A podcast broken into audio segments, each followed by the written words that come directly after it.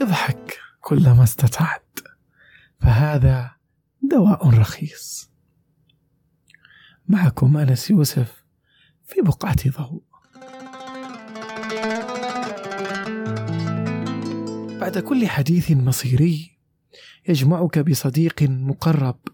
انظر إلى عينيه جيدا وتأمل ابتسامته وضحكاته المتقطعة.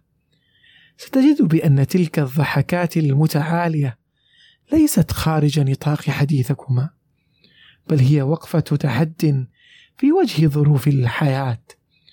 فكلما انتهى حوار مع صديق أيقنت أن شقاء الحياة ينتهي عند تلك الضحكات.